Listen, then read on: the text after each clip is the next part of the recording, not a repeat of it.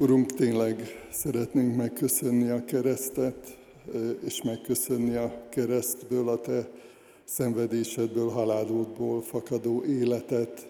Gyönyörködünk benned, gyönyörködünk a Te szeretetedben, gyönyörködünk a Te igazságodban, és hálát adunk azért, hogy a, a mindennapokban is tapasztaljuk a Te szent lelkednek az erejét, a vezetését, és köszönjük, hogy ráhangolod a szívünket arra, hogy tényleg rácsodálkozzunk a Te igazságodra, a Te jóságodra, a Te szeretetedre.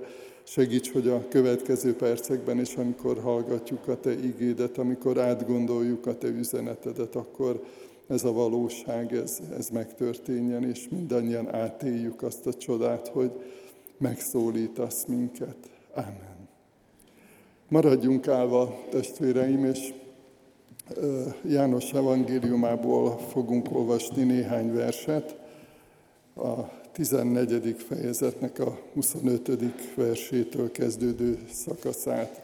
Így hangzik Isten igéje, Jézus szavait olvasom. Elmondom ezeket nektek, amíg veletek vagyok. A pártfogó pedig a Szentlélek, akit az én nevemben küld az Atya, ő tanít majd meg titeket mindenre, és eszetekbe juttat mindent, amit én mondtam nektek.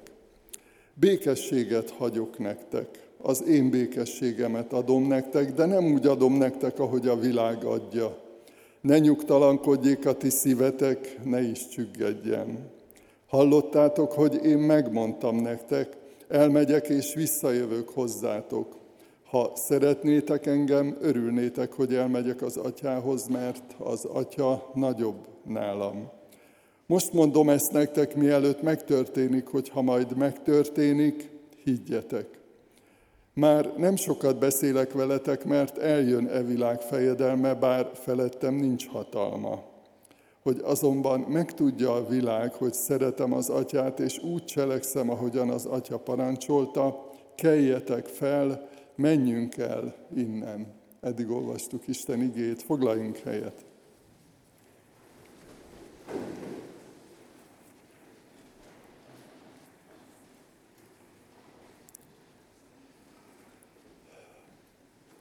Kedves gyülekezet, kedves testvéreim, az elmúlt hetekben még a pünkösdi gondolatkörben maradtunk, ugye két hete ünnepeltük a Szentlélek kiáradását, ahogy kibocsátotta Isten az ő lelkét, és az elmúlt héten is szó volt erről, és ezzel kapcsolatban egyrészt az elmúlt heti, illetve a két héttel ezelőtti üzenetre egy kicsit visszagondolunk, vagy visszaemlékezünk. Ezeknek a gondolatoknak, amelyeket ma is olvastunk, a lényege az egyik fontos üzenete, hogy Isten ígéretei beteljesedtek. Ez abból a szempontból is nagyon fontos, hogy eh, a kereszténység, az Istennel való közösség egyik fontos tartó oszlopa az ígéret, az Isten ígéret. És ahogy a proféciák, az isteni jövendőlések beteljesedtek az elmúlt évezredekben, ugyanúgy számíthatunk arra, hogy ezután is be fognak teljesedni, és a hitünknek ez egy fontos része, fontos oszlopa, hogy amit Isten ígér, azt beteljesedi. Az Úr Jézus megígérte, hogy társat kaptok, nem maradtok egyedül, nem maradtok magányosan, pártfogót, vigasztalót kaptok a Szentlélek által. Sőt, azt mondja egyszer az Úr Jézus, hogy barátaim vagytok, hogyha azt cselekszitek, amit én parancsoltam nektek. Tehát egy barátságra, egy ilyen mély kapcsolatra hív minket. Azt is megígérte Isten a Szentlélek által, hogy erőt kaptok, amikor eljön a Szentlélek. Megerősödtök, szellemi erőről van itt szó kegyelmi ajándékokat kaptok. Isten megígérte, hogy olyan képességeket, olyan karizmákat ad nekünk, amivel képesek vagyunk szolgálni, segíteni, tanítani, szolgálni másoknak. Azt is megígérte, hogy bátorságot ad, és sok példa van arra az apostolok cselekedeteiről írott könyvben is, hogy hogy a tanítványok, amikor Isten betöltötte őket a Szent Lelkével, akkor milyen bátrak lettek, már nem féltek a szenvedéstől, nem féltek a haláltól, hanem mindenáron képviselték az Úr Jézust és hirdették az evangéliumot. A Szentlélek által örömet kaptunk. Azt olvassuk az igében, hogy, hogy az Isten országa nem evés és nem ivás, hanem igazság, békesség és a Szentlélek öröme. Egy olyan örömmel ajándékozott meg minket Isten a Szentlélek által, aminek nincs emberi mértékegysége.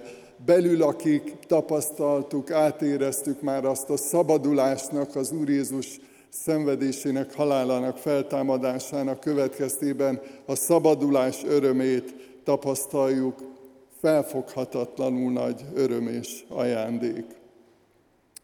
Ma két dologról szeretnék szólni az ígéretek, illetve az ígéretek beteljesedés kapcsán. Az egyik dolog, amit az Úr Jézus megígért, hogy a Szentlélek tanít titeket, sőt azt mondja, hogy megtanít titeket minden igazságra, a 16. fejezetben, amit most nem olvastunk fel, de ott is beszél a Szentlélek munkájáról az Úr Jézus, azt mondja, hogy elvezet titeket a teljes igazságra, tehát a valóságra.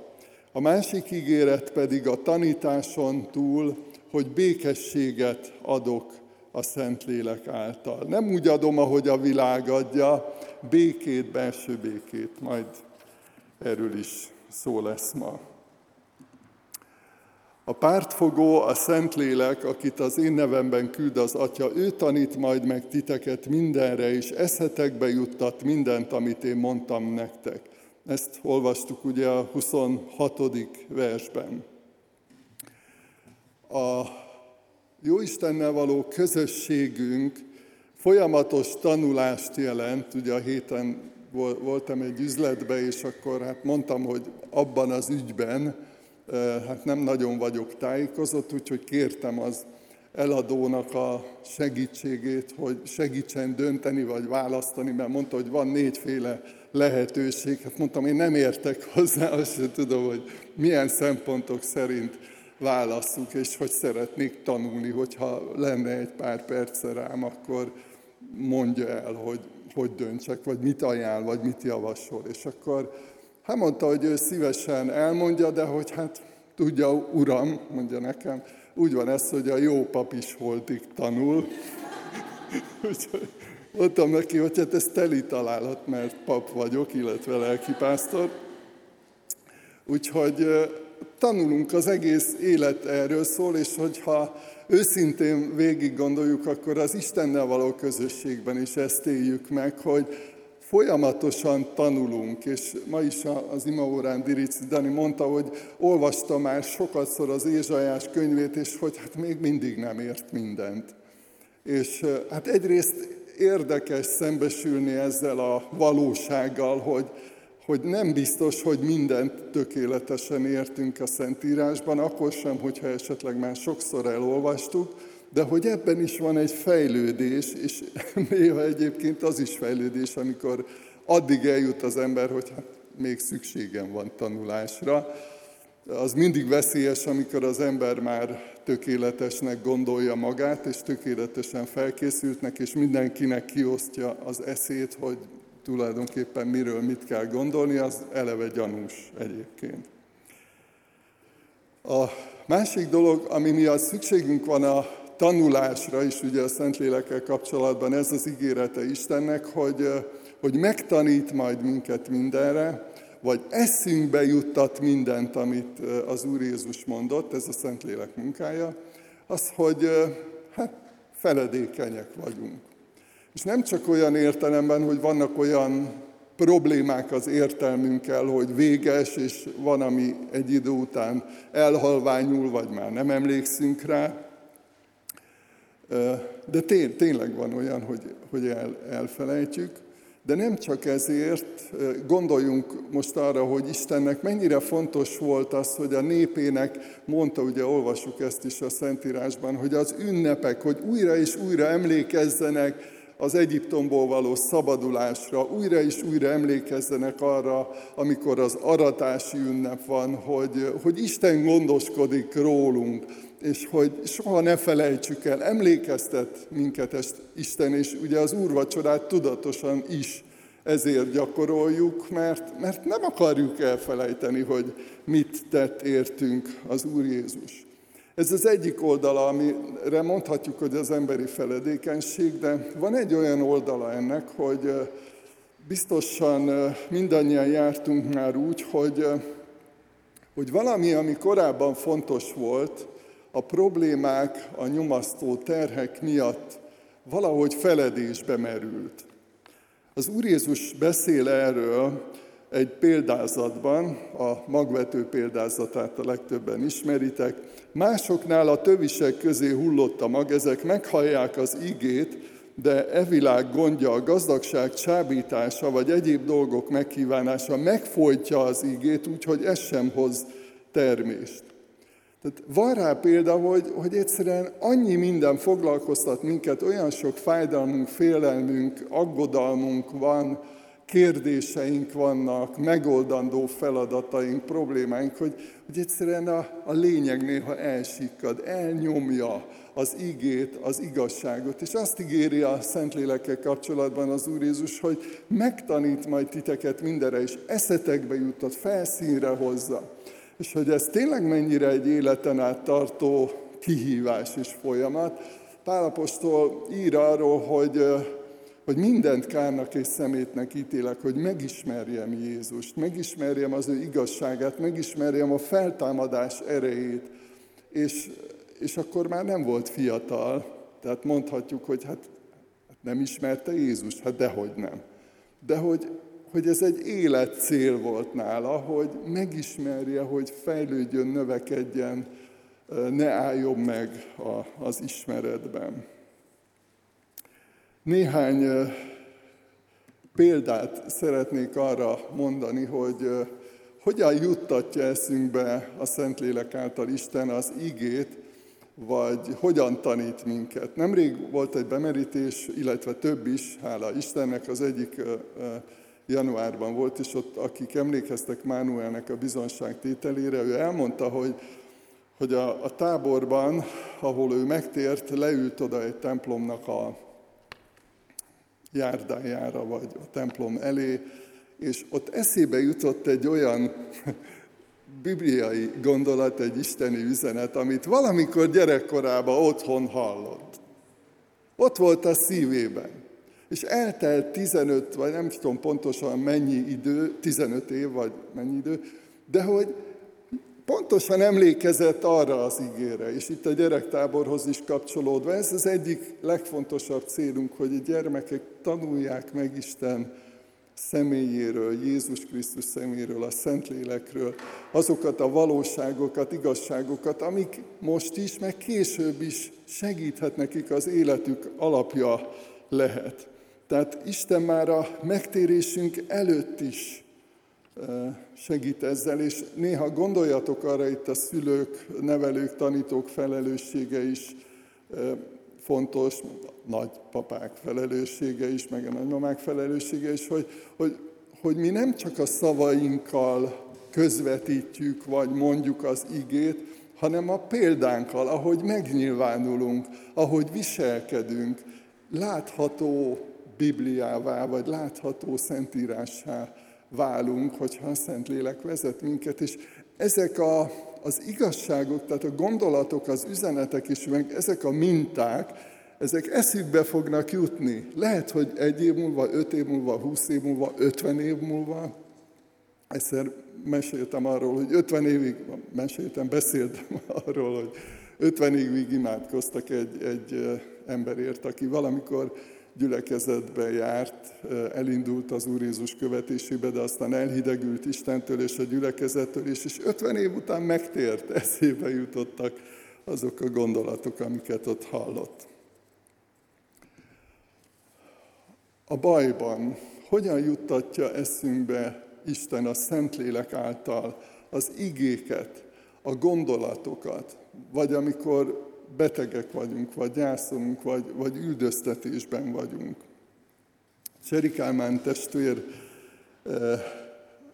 sok találkozásáról ír, beszél a, a az ige hirdetéseiben, és szeretnék ebből egy részt bemutatni, felolvasni nektek. Egy fiatal özvegyasszonyról volt szó, három kis gyermeke volt, és, és egy autóbalesetben meghalt a, a férje, és hát nagyon, nagyon el volt keseredve, miért engedte meg Isten, felvetődtek ezek a, a kérdése, miért ilyen korán, miért éppen őt, mi lesz most, miért látja ezt jónak Isten, hogyha Isten jó, akkor hogy lehet az, hogy, hogy most ez történt. És Cseri Kálmán testvér elmondja ebben az igényhirdetésben, hogy ahogy hallgatta az asszonyt, egy darabig nem, nem válaszolt, nem mondott neki semmit, és miközben a, a fiatalasszony beszélt és kesergett, eszébe jutott egy ige. Azt mondja, hogy valahol meg van írva, hogy életem ideje a te kezedben van. Ki mondta ezt Istennek? Hát Dávid. Akkor ez azt jelenti, hogy a férjem élete is az ő kezében volt? Akkor ő pontosan tud most arról, ami történt? Tudja Isten, hogy milyen nehéz nekem? Aztán megint az asszonynak eszébe jutott egy másik ige. Akik Isten szeretik, azoknak minden a javukat munkálja. Hát hogy, hogy lehet ez? Hogy munkálhatja valaminek a, a javát? És Cseri Kálmán testvér leírja, vagy, vagy megfogalmazza ebben a, a, az igehirdetésben, hogy olyan jó volt látni, ilyen csoda, csodát látott, vagy csodaként élte meg azt, hogy, hogy valaki beszél szomorúan, keseregve, és közben így eszébe jutnak az igék. És úgy váltak el aztán, ezt, erre majd később vissza fogok utalni a békesség kapcsán, hogy amikor a kapu, kapunál elköszöntek el, búcsúztak egymástól, akkor azt mondta ez a fiatal asszony, hogy ő nem tudja, mi történt, de hogy olyan természetfeletti nyugalom van a szívébe. Ez az Isten lelkének a munkája, amikor az ige, az Isten igazság eszünkbe jut, és vannak küzdelmeink, és vannak kérdéseink, és van, amikor nem értünk dolgokat. De nem csak az ilyen bajban, nyomorúságban szólít meg a, a Szentlélek, és juttat eszünkbe igéket, hanem gondoljatok arra a jelenetre, ez nekem mindig nagyon érdekes, amikor Pálék a gyógyító szolgálat után azt élik meg, hogy Istenként akarják imádni őket, és, és áldozatot akarnak nekik bemutatni. Hát, hatalmas siker, nem? Mikor úgy tekintenek ránk, mint Istenekre. És nagyon tanulságos Pálapostolnak a reakciója, hogy erre válaszol erre a helyzetre, mert tiltakozik, kiabál, hogy ezt hagyjátok abba, ez nem, nem kedves az Istennek előtt, egyedül őt illeti meg az, az imádat. Tehát, hogy, hogy a siker esetén is, ami önmagában hordozhatja ugyanúgy a kísértést, a siker esetén is eszünkbe juttatja Isten az igét a Szentlélek által. Vagy éppen a konfliktusok vagy kapcsolati zavarok esetén. Biztos vagyok benne, hogy ti is jártatok már úgy. Corrie a könyvét úgy gondolom, hogy sokan olvastátok, amikor ő erről beszél, hogy, vagy ír, hogy egyszer, amikor bocsánatot kértek tőle, akkor ez az ige jutott eszébe, mert nagyon nehéz volt megbocsátani, annyira mély volt a seb, a fájdalom, a sértettség, a harag, nagyon mély volt benne, és azt mondja, bocsássatok meg egymásnak, ahogyan Isten is megbocsátott nektek a Krisztusban. És amikor egy ilyen kiélezett helyzetben tapasztaljuk, hogy a Szentlélek által Isten eszünkbe juttat egy igét, és megtörténik a rendezés, és nem csak az, hogy elfogadjuk a készfogást, vagy kezdeményezzük a készfogást, vagy az ölelést, ami kifejezi a szeretetünket, elnézést, hanem amiről az előbb beszéltem, hogy egy isteni nyugalom, természetfeletti nyugalom és béke tölt be minket, amikor ez a csoda megtörténik, hogy a Szentlélek eszünkbe juttat egy igét, és rendeződik a helyzet, és megnyugszunk. És persze van, amikor ez hosszabb ideig tart, nem mindig egy pillanat alatt, vagy egy, kar, egy csapásra változik meg a helyzet, de, de megtörténik az, hogy Isten a Szentlélek által munkálkodik. A másik ígéret a Szentlélekkel kapcsolatban, amit olvasunk, hogy békességet hagyok nektek, az én békességemet adom nektek, de nem úgy adom nektek, ahogy a világ adja, ezt az Úr Jézus ígérte a tanítványoknak. Ugye mindig nagyon izgalmas kérdés, erről nagyon sok tanulmány, könyv született, elmélet, fejtegetés, hogy hát mi, mi az igazi békesség, mert nyilván egyből az jut eszünkbe, hogy ne piszkáljanak minket, hagyjanak békén, ne támadjanak, ne kérdezzen senki semmit, hagyjanak minket békén. Néha úgy érezzük, hogy ez, a, ez a, az igazi békesség, de belülről tudjuk, hogy valahol nem ez, hanem egy illusztrációt olvastam erről, hogy a békesség olyan, mint amikor a hal a vízben van, az életterében, ahol otthon van ahol közlekedni tud, mozogni tud, táplálkozni tud, és rend, rendben vannak a dolgok. Tehát ha a szatyorban van, az már nem a békességnek a jele, az a pusztulás felé vezető út. Tehát a hal a, a vízben van, abban a környezetben. És szintén a, a gyerektáborra készülve, ugye szó lesz majd a, a tékozó fiú történetéről is, hogy, hogy azt mondja a fiú, hogy hát visszamegyek, hazamegyek az én atyám házához. Hát ott van az otthonom, az az én életterem. Ott vagyok biztonságban, ott vagyok a megélhetés és sok szempontból, meg még egy kicsit a felügyelet szempontjából is biztonságban. Az az élettere, ő amikor elindult és elhagyta az atyai házat, akkor volt egyfajta hamis reménysége, hogy milyen jó dolog ez a, az ilyen értelembe vett függetlenség, meg az, hogy azt csinálok, amit akarok. Csak ugye nem gondolja ilyenkor az ember, hogy nem azt csinál, amit akar, hanem amit a kísértő diktál neki, mert hogy a kísértőnek is vannak céljai. Milyen az a békesség, amikor otthon vagyunk, ugye erről is énekeltünk, amikor hazatalálunk, amikor otthon vagyunk.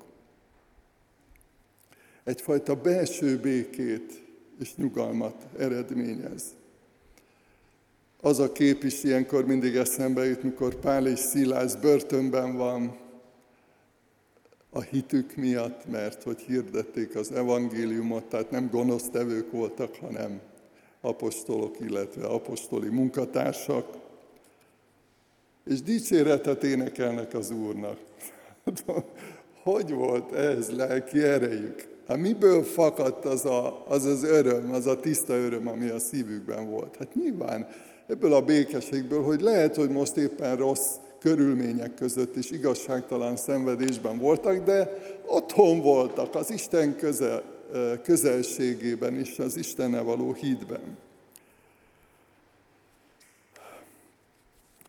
Többször hirdettük meg, voltunk is néhányan pünköst hétfőn egy tahi rendezvényen, és ott találkoztam egy lelkipásztor testvéremmel.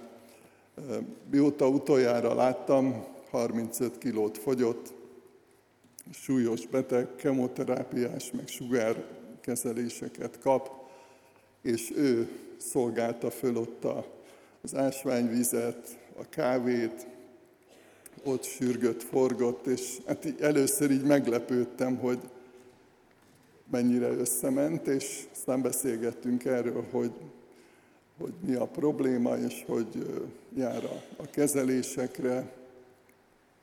És azt mondja, hogy olyan békességem van. Én hiszem, hogy Istennek van hatalma meggyógyítani, és akkor folytatom a szolgálatot, és hogyha hazahív Isten, akkor hazamegyek. És így néztem, hogy jó, igen, de hogy amikor ezt így szemtől szembe látod, és érzed, hogy ez nem egy betanult szöveg, hanem ez tényleg így gondolja, és hogy tényleg nyugodt, és hogy tényleg belső, belső békessége van.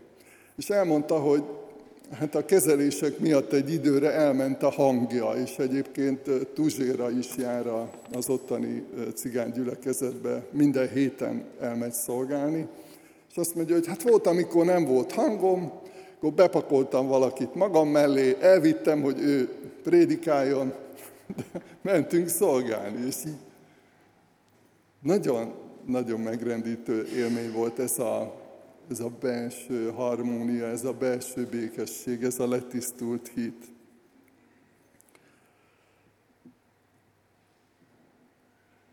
Az előbb említett özvegyasszony azt mondta, olyan furcsa, különös békesség van a szívemben. Nem baj ez? Nem baj. Isten ajándéka a Szentlélek által. Milyen szép, ha feltűnik a hegyeken az örömhírt hozó lába, békességet hirdet, örömhírt hoz, szabadulást hirdet. Azt mondja Sionnak, Istened uralkodik. Krisztus tanítványaiként megéljük a belső békességet, és arra is kaptunk biztatást, hogy beszéljünk róla, hogy hirdessük. Emlékezzetek, Pálapostól erről ír, hogy béküljetek meg az Istennel. Hát Isten volt az, aki az Úr Jézus halála által megbékéltetett minket önmagával. Hát válaszoljunk erre, válaszoljatok erre, béküljetek meg az Istennel. És a leveleiben is írta, és nyilván a, az ige hirdetéseiben, a tanításaiban is elmondta, béküljetek meg. A békességnek a hírnöke volt.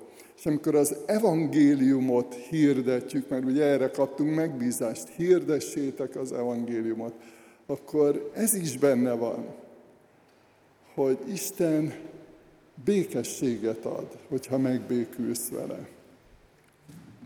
És van még a, az isteni békességnek egy, mondhatjuk így, még egy fokozata, vagy egy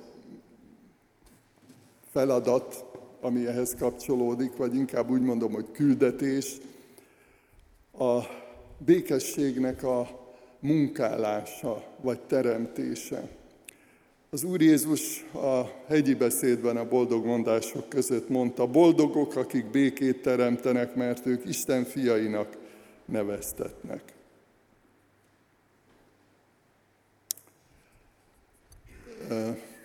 Néhány évvel ezelőtt ugye ennek a, az írásos dokumentumoknak, meg a, az interneten felelhető áhítatoknak van egy ilyen értéke, meg ajándéka, hogy, hogy sok évvel ezelőtti áhítatokra is rábukkanhatunk, és hát én rábukkantam egyre a Marton Zsolt testvér írta ehhez kapcsolódóan. Azt mondta az Úr Jézus, ha beléptek egy házba, legelőször azt mondjátok, békesség ennek a háznak.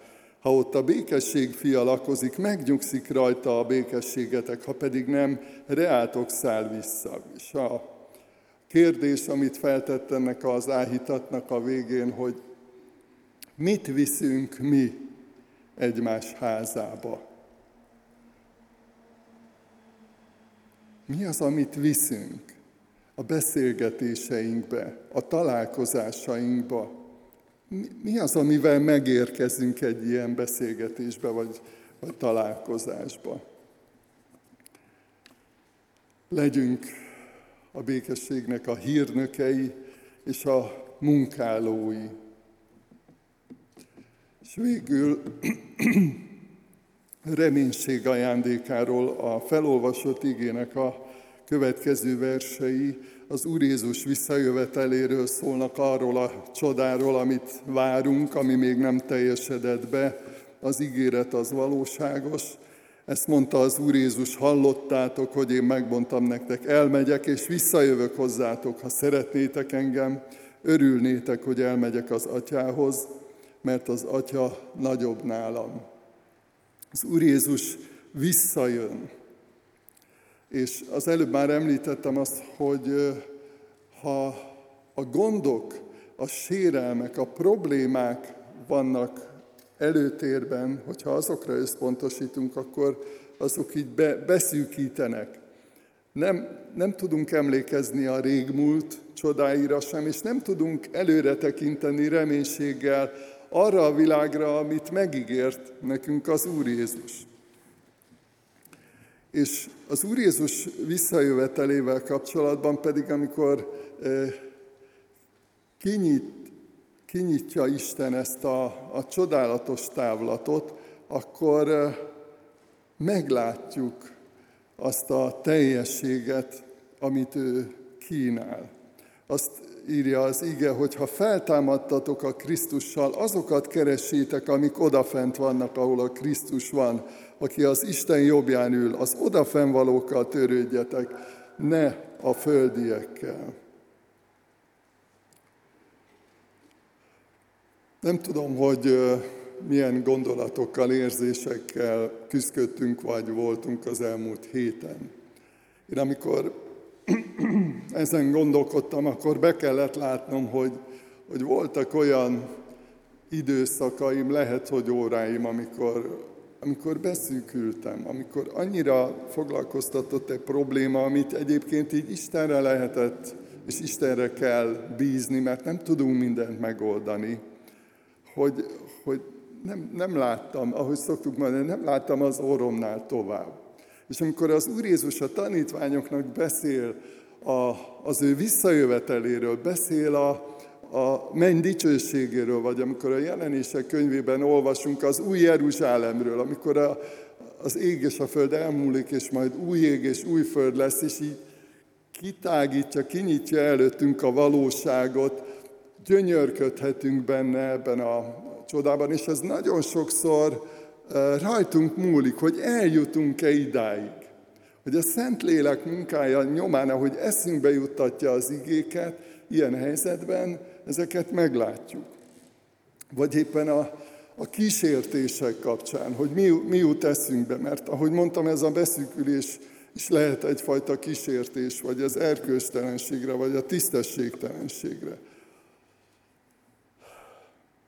Két igét mondok, lehet, hogy magunkra ismerünk ebben egy-egy, nem biztos, tehát nem akarom senkire ráerőltetni, azt szoktuk mondani, akinek nem inge, az ne vegye magára.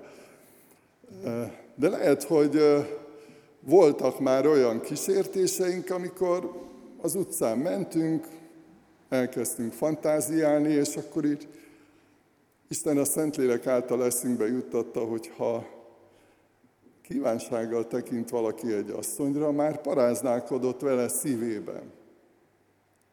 És így Isten a Szentlélek által egy igét eszünkbe juttat, és, és rendbe tesz, és, és helyre tesz minket. És szembe tudunk nézni és szállni ezzel a kísértéssel. Vagy hallottam ilyet, azért mondom, nem volt nehéz kitalálni, hogy van, akinek az a kísértése, hogy minden útjába eső, meg le, nyilván pénze is van rá, minden útjába eső ékszerboltba bemegy vásárolni. És nyilván ez is egy kísértés, és nyilván nem ítéljük el egymást, hogyha vannak kísértéseink, de ilyenkor is Isten a Szentlélek által leszünkbe juttatja, hogy, hogy ne gyűjtsetek magatoknak kincseket a földön. Nem? Biztos, hogy jártatok már, akár más témában, más kísértéssel kapcsolatban, de mekkora ajándék az, amikor az ige kinyitja a szemünket, a szívünket, és nem csak egy dolgot látunk, hanem az Istennek a teljességét, valóságát. És a mégis hit, akik olvastátok Gyökösi Endrének református lelkipásztor, pszichológus volt. A könyveit, gondolatait. Többször találkozunk ezzel a kifejezéssel, a mégis hit, hogy akkor is hiszek, mégis hiszek. Bármilyen helyzetben vagyok, bármilyen körülmények közé kerülök, bármilyen küzdelmeim vannak, akkor is hiszek. És az a nagyszerű üzenete Isten igének, hogy, hogy tényleg munkálkodik a Szentlélek által. Tehát nem csak elmélet, amikor pünkösdről vagy a pünkösdi eseményekről, vagy Isten erejéről, hatalmáról, az ige általi megszólításról beszélünk, hanem valóság, amivel minden nap örömmel élhetünk. Úgyhogy most ezért adjunk hálát, hajtsuk meg a fejünket és imádkozzunk.